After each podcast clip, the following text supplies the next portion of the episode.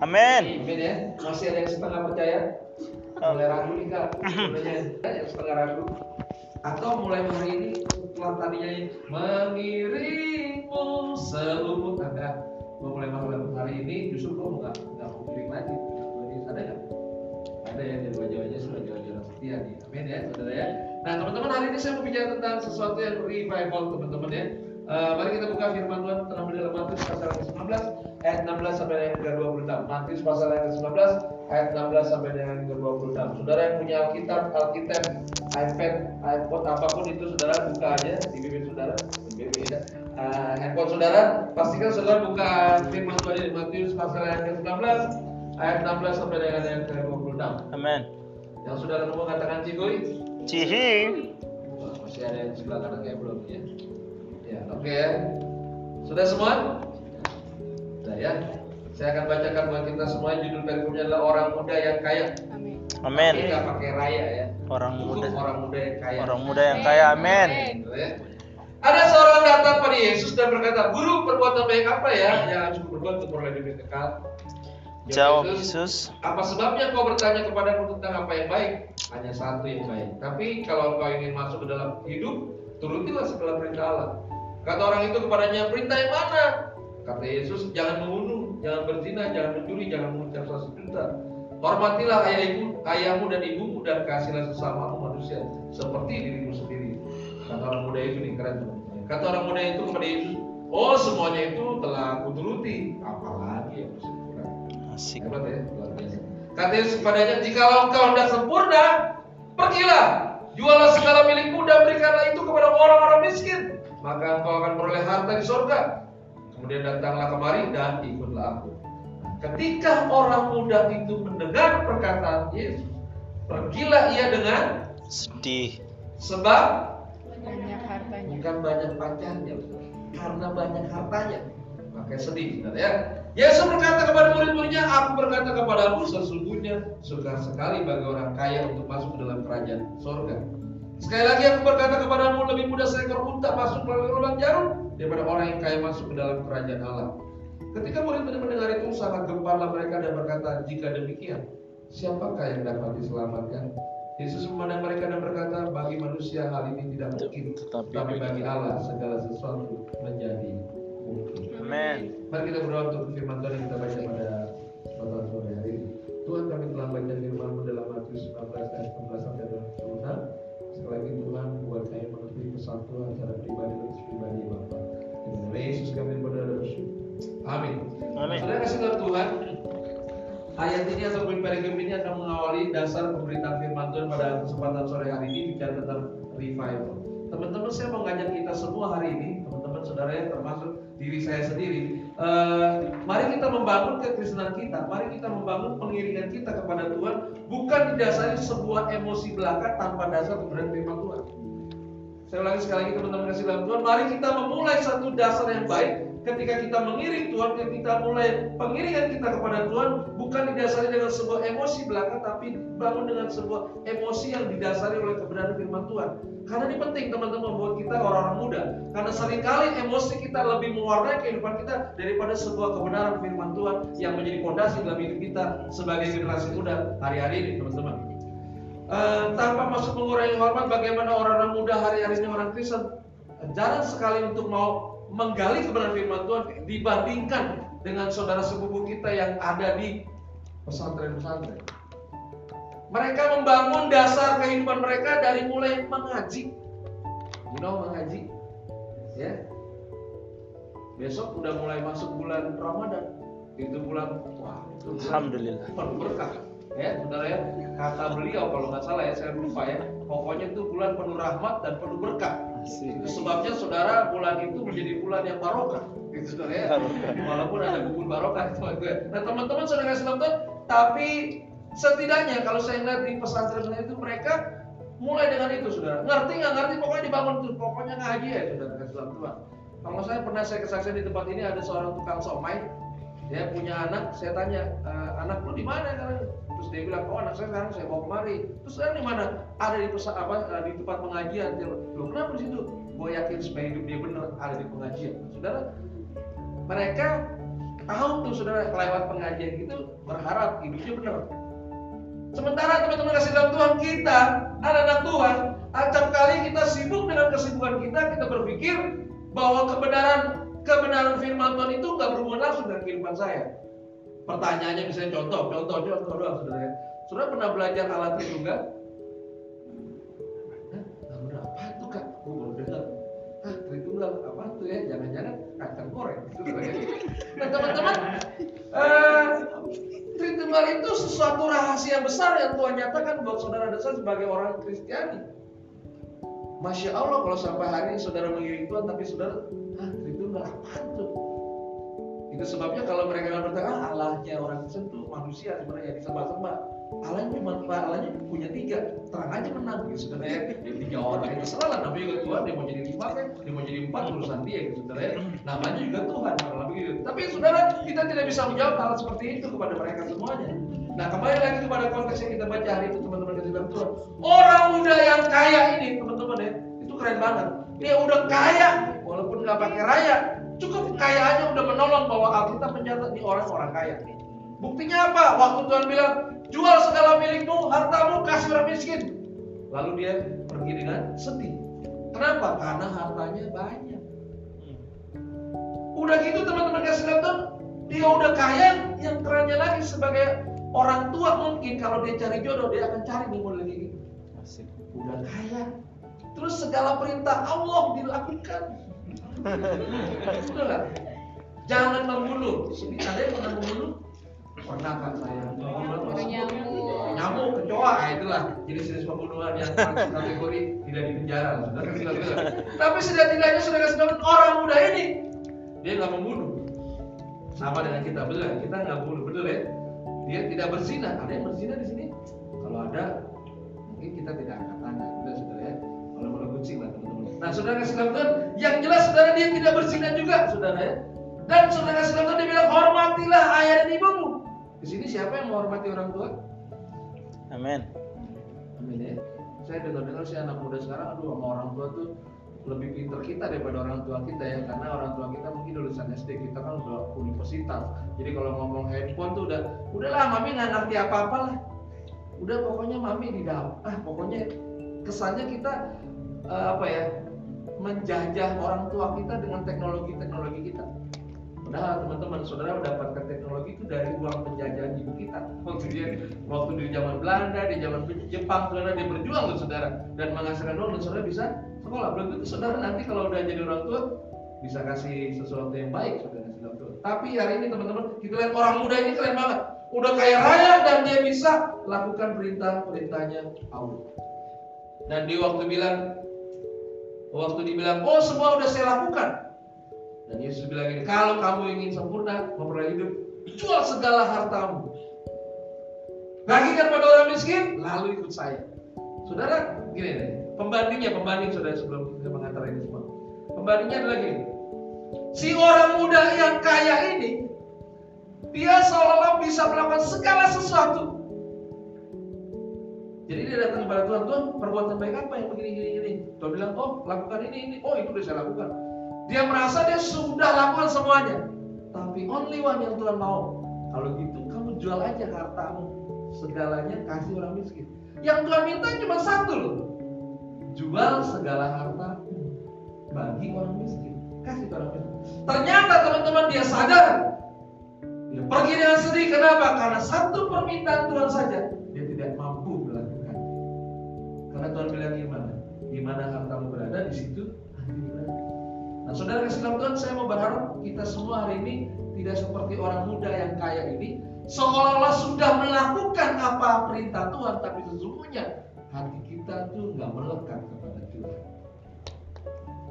Seolah-olah saudara bisa berkata mengiringmu, tapi perjalanan pengiring kita kepada Tuhan Senin, Selasa, Rabu, Kamis, Jumat, Sabtu sampai ketemu minggu lagi jauh dari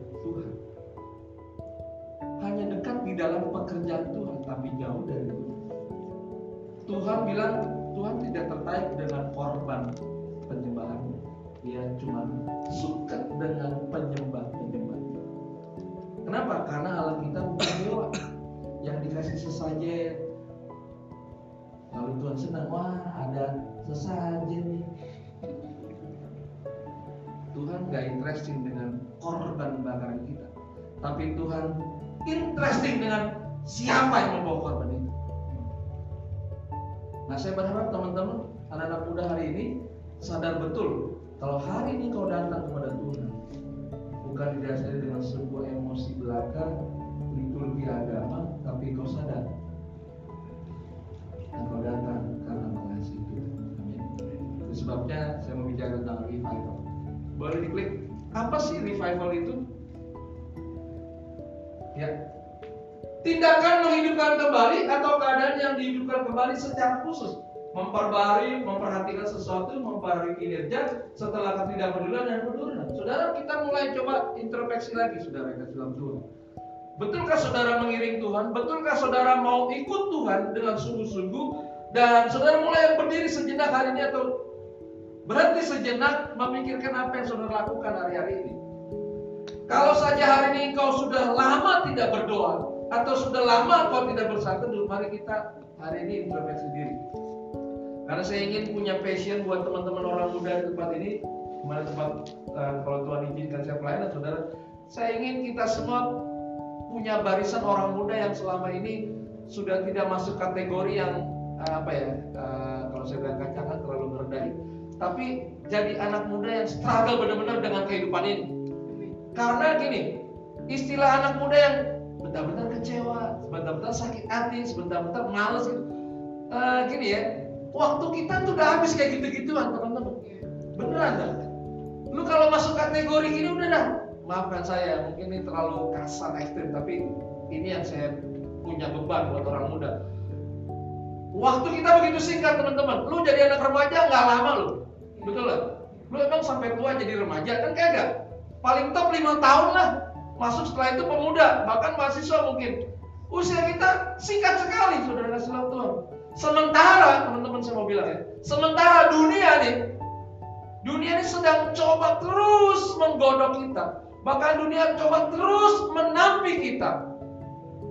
Untuk kalau bisa, saudara tidak jadi garam buat dunia ini. Tapi dunia akan saudara, nanti saya akan bukakan ini salah satu topik bagian orang muda yang hari ini diwarnai oleh nilai-nilai dunia. Kalau saya lagi betapa kejamnya hari ini dunia coba mempressure anak-anak Tuhan, apalagi kalau dia tidak sungguh-sungguh kepada Tuhan.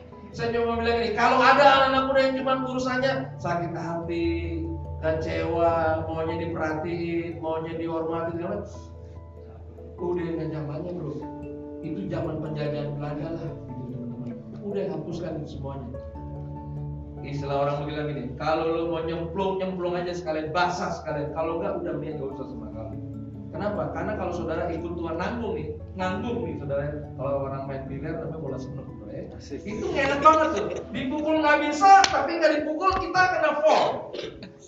Kalau bahasa Alkitab tuh dimuntahin, kenapa? Suam-suam pukul. Iya. Itu nggak enak banget. Gue sih tidak suka dengan makanan dingin, makanan makanan Korea gue nggak suka. Walaupun Iya. sekarang Korea lagi bombastis, buat gue tetap aja gue yang dulu mah paling keren. Ini sudah Nah, saudara kasih Tuhan, mari hari ini kita hidup betul-betul sungguh-sungguh sama Tuhan. Agar supaya kita bisa betul-betul mewarnai kekristenan dalam dunia ini, di mana saudara jadi generasi muda. Iya. Ini salah satu topik yang saya mau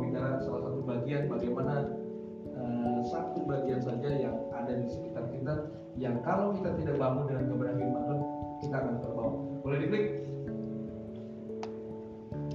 Apa kabar orang muda? Gaya pacaran. Cuma satu nih sudah. Gaya pacaran aja sudah. Nah, Nah. nah, saudara, gaya pacaran nih berdaya. Sengaja mau taruh tuh foto sebenarnya itu masih kecil banget. Tapi dia udah pacaran loh. Namanya si Michael sama si Nona. Asik. Nah saudara survei kesehatan BKKBN, saudara ya. Wis. Tahu lah saudara BKKBN uh, tanggal 7, 8, 9 ada konferensi pelayanan keluarga. Salah satunya adalah bagian tentang cerita tentang uh, keluarga-keluarga anak-anak Tuhan saudara. Nah, survei BKKBN dia katakan ini remaja Indonesia sudah melakukan pacaran usia 12 tahun. Asik. Anak kelas 6 SD, catat 6 SD bro, sudah tidak segan lagi memadu kasih. Masih. Innalillahi. Teman-teman, maafkan saya, saya mau nanya, Dek, usianya berapa dek? Kok Cici baru 15 tahun? Tante usianya berapa? Dek, kak, usianya berapa?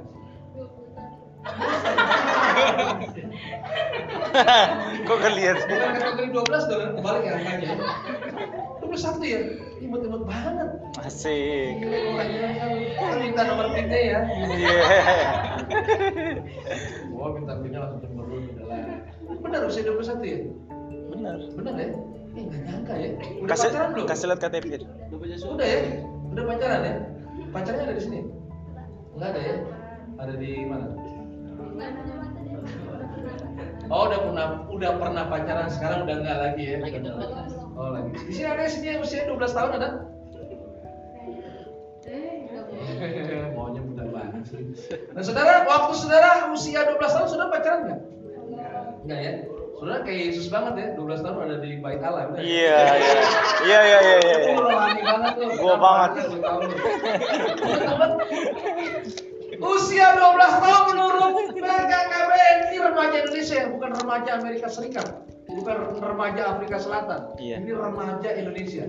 Saya mau tanya, ini di daerah Bekasi. Bekasi masuk kategori Indonesia kan, betul kan? Masih di Indonesia kan, bukan di Jepang kan? Nah usia 12 tahun udah melakukan pacaran dan lebih hebohnya 6 SD udah nggak segan lagi memadu kasih. Makanya nanti jangan heran kalau saudara punya sekolah minggu ya, udah PDKT tuh mulai dari sekolah minggu. Nembaknya di usia remaja. Asik. Bahayanya nikah di usia pemuda. Waduh. Oh iya prihatin. Nah teman-teman kasih dalam Tuhan, Belum saya bilang asik. surveinya bilang ini, 92% remaja pacarannya pegangan tangan. Asik. Pegangan tangan bro, 92% paling banyak pegangan tangan. Terus mau pegang apa? dong? Iyalah masa nggak pegangan tangan sih? Kalau nyebrang kan? Oh, nyebrang. Alasan banget nyebrang. Dan selalu cari jalan yang ada penyeberangan terus. Kalau dia nggak mau sudah deh. Ada ada penyeberangan, dia akan cari jalan raya. Nah. Terus 82% remajanya saling ciuman. Dia bukan cipikat-cipiki loh. Asik. Seperti orang Manado, orang bilang seorang sur Manado tuh. Ketemu, "Hai, apa kabar?" Hmm, hmm, gitu. Enggak kayak gitu. Kissing, you know kissing. Asik. Siapa yang udah pernah kissing? Ya, coba lihat-lihat wajah-wajahnya. Iya, iya. Coba siapa? Kan cuma gua dong ya. Oh iya, gua tahu. Dari bibir lu gua udah lihat saudara. Nah, saudara kasih Tuhan. Remaja loh. Pacarannya 82% saling ciuman. Kebayang sebenarnya. Dan yang lebih memprihatinkan saudara, 63% pacaran tidak malu untuk meram. Saya, di sini siapa yang udah pacaran? Jomblo semua. Jomblo semua ya? Ya Allah. Iya. Oh, Teman dekat sih. Nah teman-teman nggak boleh pacaran ya? Iya betul. Saya setuju, saya setuju. Langsung nikah ya, Bu? Nah teman-teman betul betul betul. Eh, ini saya tidak kenal namanya pacaran.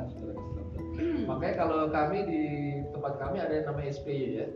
Eh, ada SPY topiknya tentang muda-mudi pergaulan muda-mudi. Dan gembala selalu suruh saya bawa tema ini. Dan ini contoh-contoh sebuah generasi di mana bersyukur saya pribadi ya, tapi adegan ini jangan dicontoh. Kenapa gini saudara saudara? Waktu saya ikut program SBY, saya sudah menikah soalnya. Rugi. Bukan rugi bro. Itu tanda orang ganteng dan orang cantik syaratnya cuma satu. Dia Asik. sudah menikah. Asik. Bagi bang, bapak ibu, bagi teman-teman yang merasa ganteng, cantik, kalau anda belum nikah, itu anda fitnah di atas kebohongan diri anda sendiri. Asik. Tapi ya karena apa, saudara? Syarat orang ganteng itu cuma satu, dia udah menikah. Asik. Itu siapa yang udah menikah? Nada. Cuma gua doang. Aduh, thanks God. Jadi seganteng-gantengnya diri lu nih. Seganteng-ganteng si John tadi main cassette yang main deh, nggak penting. Tapi si cantik-cantiknya lu punya fashion melenggang kantong seperti Luna Maya, tetap kalau lo nikah, lu belum kategori orang cantik. Asik. Bokin gue, gue nyatakan dia orang cantik. Asik. Karena dia sudah punya gue. Dan lu tahu kan gue pernah cerita ya bagaimana gue nembak dia di mana? Masih ingat? Remember? Dis. Ada yang direkam kan khotbah gue kan? Asik. Gue nembak dia waktu di dunia fantasi.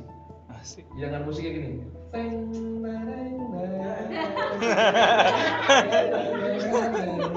Kenapa? Karena gue gak mungkin nembak dia waktu di halilintar gitu.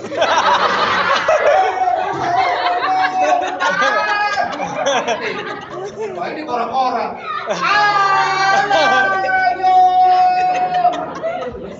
Stres, stres. Gila. Tapi Tuhan lain. Jadi saya digiring di istana mereka. Asik. Kerennya tuh perahu gue yakin tuh perahu lagi. Oh iya. Ini bukan di Danau Galilea loh, di istana boneka, dunia fantasi. Dan gue kerjasama dengan teman-teman gue, kru-kru gue. Asik, kru. Jadi waktu masuk ke satu perahu, gue nggak tahu kenapa ceritanya, mungkin gue kasih tip ke mereka, gitu kayak satu perahu tuh cuma gue doang berdua sama dia. Yang lain tuh gak usah. Jadi waktu perjalanan tuh gue bener-bener nembak. Jadi masuk-masuk, lagu itu makanya jadi reminder buat gue. Bukan lagu nostalgia yang jatuh cinta berjuta. Bukan itu nostalgia gue lagu itu tadi tuh. Itu gue kalau sama istri gue datang ke dunia fantasi gue suka ketawa sendiri ya lu pokoknya ketawa dan gue kalau udah masuk ke sana tuh kita jadi ketawa sendiri berduaan masuk gitu saudara dan saudara masuk dunia fantasi waktu istana mereka pas masuk kan ke dalam itu pas keluar udah jadian. Saudara. Asik. maksudnya dia udah mau terima gue wah itu buat gue bukan dunia fantasi nih. Langsung lompat ya. itu dunia kejadian sudah gitu. Itu betul-betul udah bukan fantasi. Itu apa ya? Oh soal pacaran. Nah saudara kasih Tuhan. Waktu gue sampaikan sesi tentang uh, pergaulan muda-mudi saudara kasih Tuhan persoalannya kebenaran itu setelah gue udah menikah. Jadi gue sedikit tanda petik tertolong saudara ya. Walaupun waktu gue menyampaikan seolah gue merasa aduh dulu gue nggak seperti gini. Contoh contoh contoh wedding kiss. You know wedding kiss? Iya. kalau ada jadi uh, WO wedding organizer ada MC-nya kita akan uh, satu acara yang namanya wedding kiss nah teman-teman bagi teman-teman yang selalu kissing-kissing selama pacaran wedding kiss nggak ada artinya nggak? Hah, wedding kiss udah biasa keles udah biasa. Tapi gue punya teman wah keren banget pakai ulang gue terinspirasi sama dia. Dia uh, kesaksian waktu menikah dia bilang gini baru kali ini gue kissing my wife maksudnya pacar gue yang sudah jadi istri jadi waktu wedding kiss betul-betul dulu kalau lu yang profesional kan kagak udah sudah ya oh aja puasa disuruh juga. Eh tunggu dulu MC dulu udah. Itu kalau udah pengalaman sudah. Bagi orang yang belum pertama kali saudara ya model-model kayak Yusuf tuh kayaknya ada deg-degannya.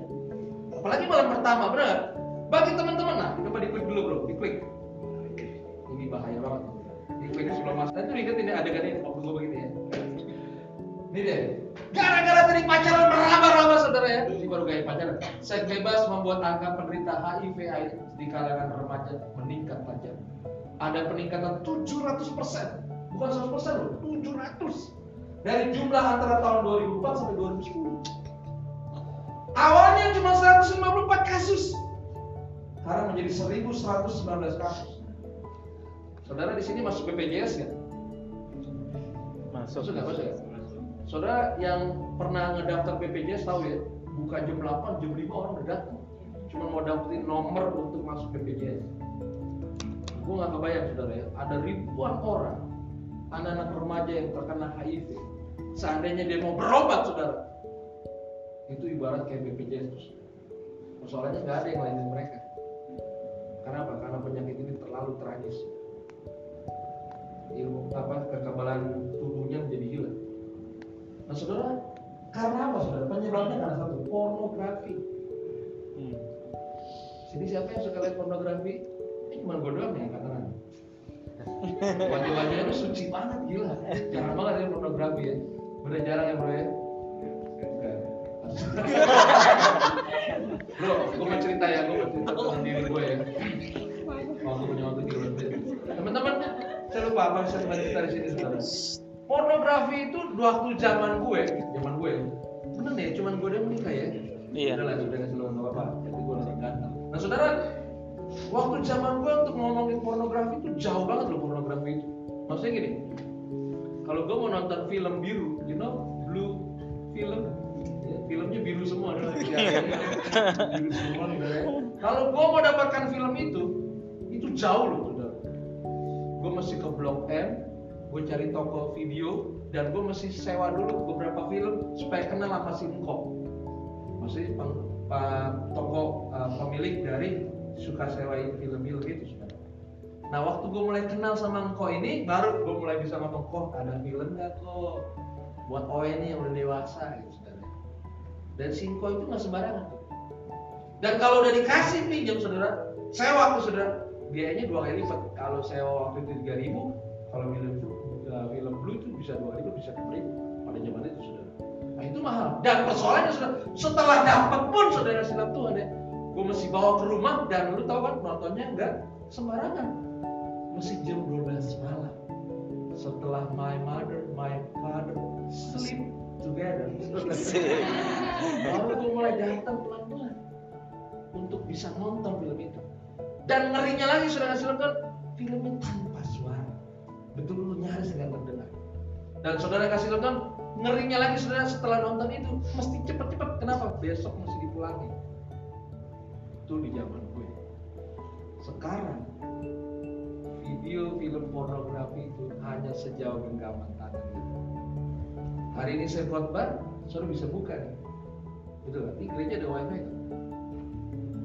Ada ya? Ada, ada. Kalau ada, kalau nggak ada,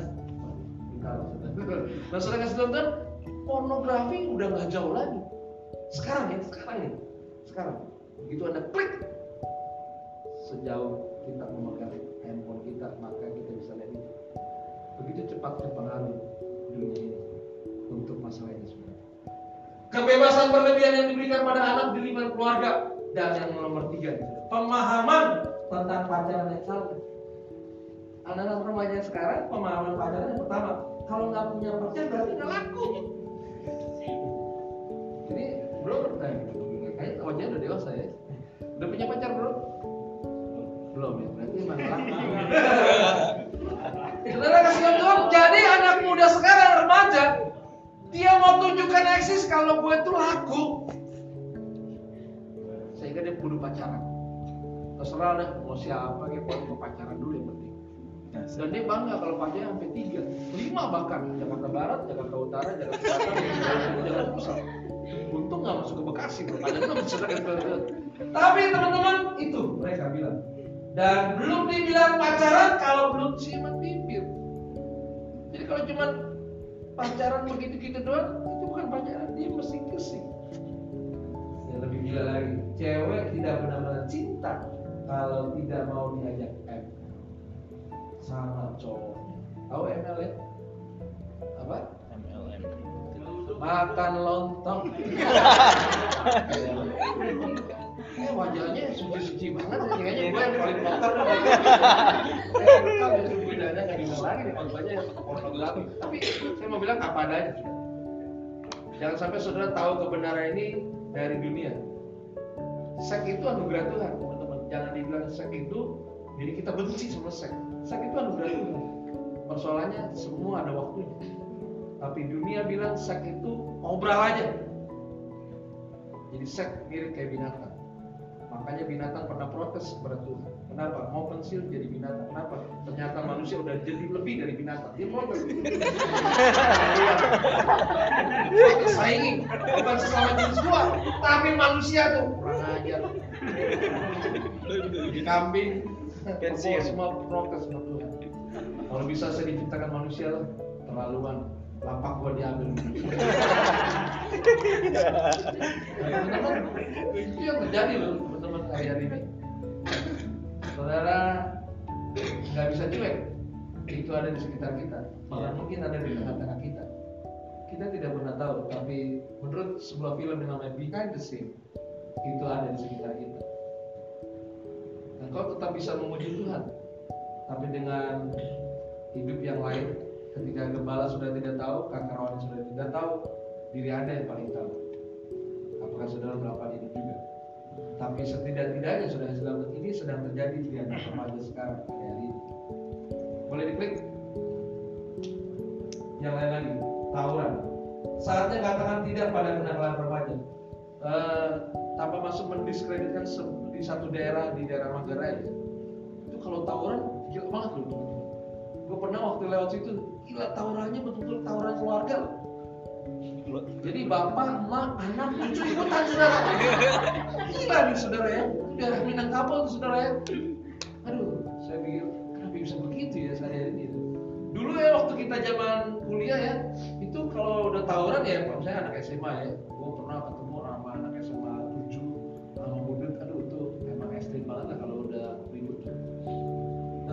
antar SMA tapi di daerah Manggarai itu antik loh saudara ya bahkan bahkan tawurannya dibikin arena. Jalan raya itu ditutup. Setelah ada pertarungan. Maksudnya ditutup gue pikir ada pengajian atau ada pengobatan atau atau ada pengantenan enggak? Karena lagi ada tawuran jalanan ditutup. Gila saudara. Ya dan yang kewe waktu bilang ya ampun anak-anaknya diajak ribut. Maksudnya kalau nih bapak nih emaknya ini anak-anaknya itu cucunya ikutan tawuran. Pegang gear. Gua bingung deh kalau dia jadi korban siapa yang mau bawa tuh saudara ya Iya. kan kalau misalnya ribut anaknya kenapa-napa kan mamanya yang bawa betul nggak? nah kalau bapak ma, anak cucu semua berantem siapa yang bawa ke rumah sakit saudara parah banget tuh, saudara ya tapi kenakalan maksud saya kenakalan remaja ini udah lihat ya anak. Nah ini di daerah saya sih ya. Di daerah saya tuh ada satu namanya daerah Flamboyan saudara itu kayak taman gitu. Tuh anak-anak aduh kalau saya mau bilang gini ya kemarin gua kayaknya ngeliat lu pakai pakai baju maksudnya putih merah misalnya warna pendek tuh ya anak SD itu pun anak SMP tapi nongkrong di Flamboyan tuh karena agak remang-remang ya. Ih pacarannya aduh kadang-kadang gue pengen jadi hansip waktu itu saudara tapi nggak mungkin lah saudara ya.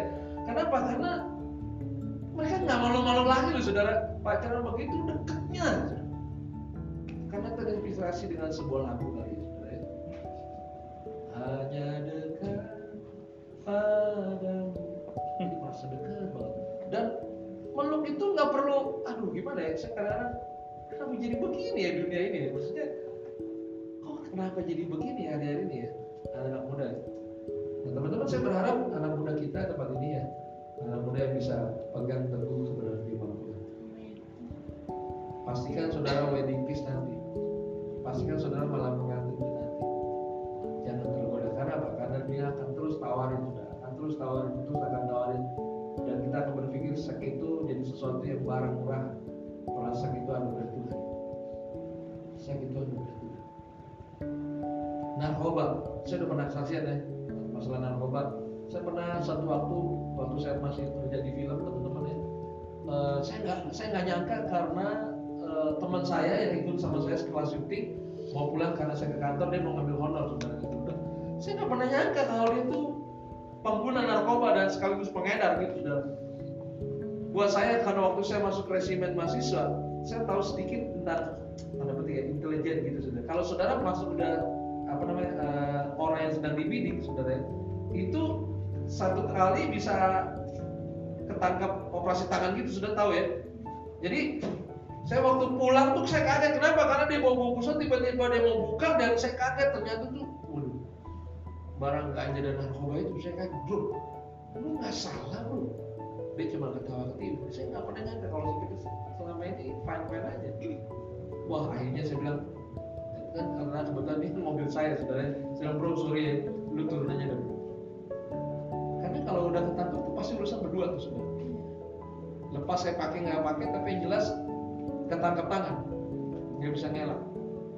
Wah ngeri narkoba tuh jangan main ya saudara ya bahkan Budi Waseso nih sebagai ininya BNN tuh sebenarnya dia mau tegas banget saudara karena musuh besar bangsa kita itu salah satunya ini. Nih narkoba. Saya berharap kita semua betul-betul menjauhi ini semua dan kita menolong orang-orang yang sudah terjerat ini. Itu habis kalau ada anak remaja kami udah saya pernah saya juga udah pernah kena ini dan masuk penjara dan hebatnya dia pernah tulis surat kepada anak remaja kami Dan ditulis seperti Rasul Paulus. Surat dari Hengki kepada anak remaja di Karet Sapri. Asik. Itu saya aja yang jadi korban. Ya siapa yang mau korban begitu? Ya. Waktu saya besuk dia sudah dia nangis-nangis benar-benar. Luka, mohon maaf kak ya bilang teman-teman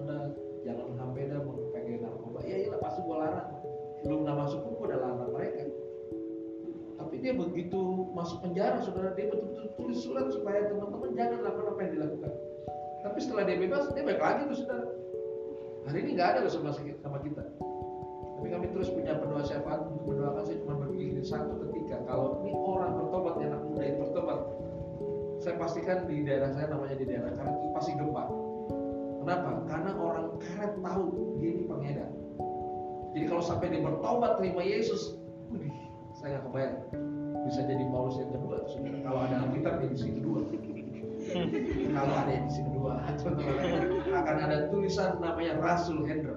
Eh Rasul Hendra. Latar belakang pengguna narkoba berat. Tapi ditangkap Kristus. Memberitakan Injil keselamatan bagi orang yang kena narkoba. Wah itu kan keren banget ya. Judul suratnya adalah Hengki 1 ayat 2 kisahnya ada boleh detik apa sih yang harus kita revival hati kita bro Kualitas seorang sesungguhnya terletak pada apa yang ada dalam hatinya. Hari ini apa sih ada di hatimu? Kalau yang ada di hatimu seorang yang namanya Michael, maka kemungkinan makannya adalah pizza ya kan? Spaghetti, bakery dan Hollandnya, saudara. karena Michael. Tapi kalau ada di hatimu adalah si Alio, mungkin ada di hatimu bakmi, capcay, buyongan, karena ada di hatimu adalah si Alio. Ada ya? Ini orang-orang timur semua di sini. Orang Bekasi. Orang Bekasi. Namanya Yanto lah. Kalau lu namanya Yanto, makanya ada ketoprak, es mie ayam, bakso, es campur, saudara, es ayam. Bubur ayam. Bubur ayam. Nah, saudara, sekarang pertanyaan, apa sih ada di hatimu hari ini? Iya. Apakah ada Yesus di hatimu? Kalau selalu Anda memikirkan Yesus, saya yakin, saya percaya, bacaan kita berdoa itu menjadi satu kegemaran Anda. Persoalannya kita bukan saya nuntut saudara untuk banyak waktu baca Alkitab. Saya cuma mau saudara punya satu gaya hidup Iya. untuk supaya selalu relasi dengan. Kenapa? Karena kejauhan Anda dengan Tuhan itu akan membuat saudara makin jauh, makin jauh dan Anda makin terjerembab dengan dunia ini.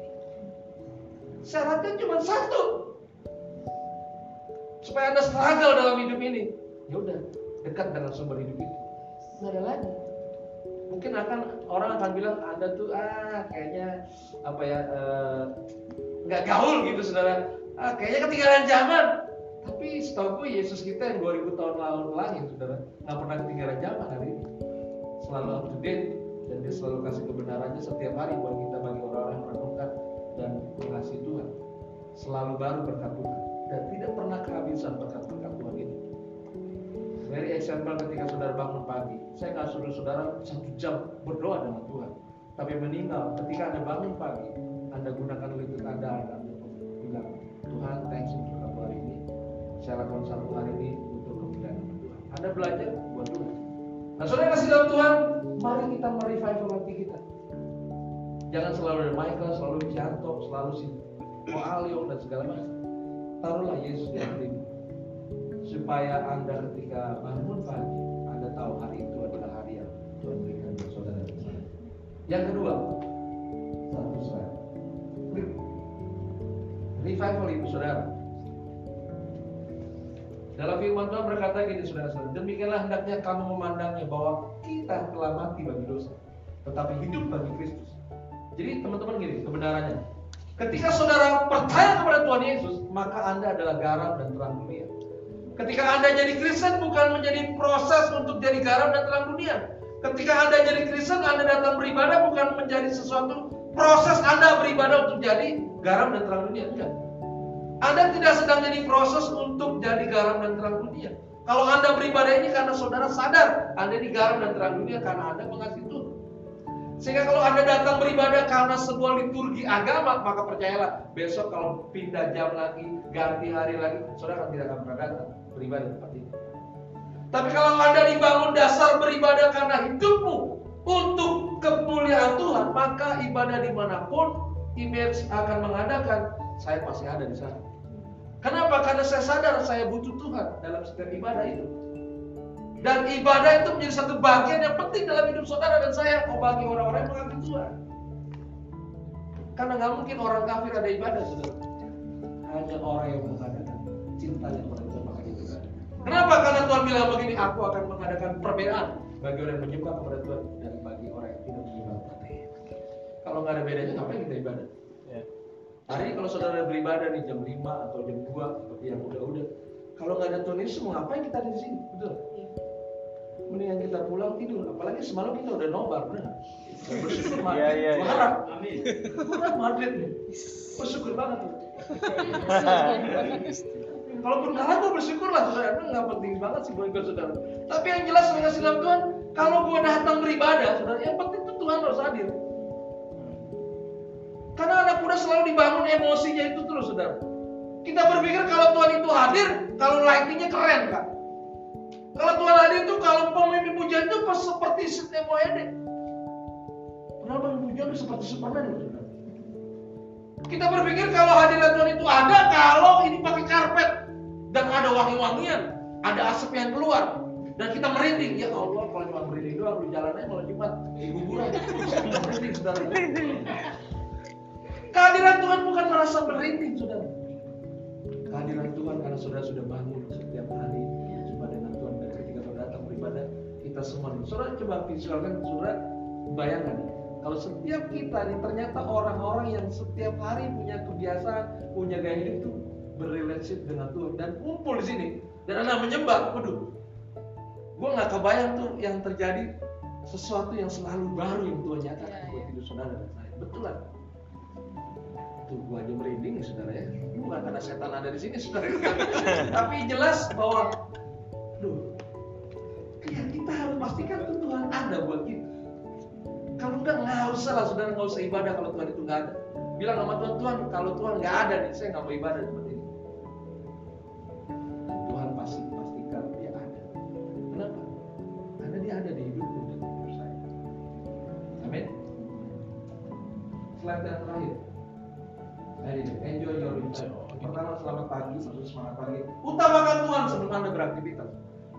Jadi kan itu habit teman-teman ya. Ya. Dan yang ini penting, nasihat, dengarlah nasihat orang tua. Karena kalau saudara mau panjang usia saudara, Anda harus hormati orang tua. Iya. Mungkin hari ini saudara mau mami papi, kayaknya gua ada eh, ngomong sama teman lebih dekat dibanding mami dan papi.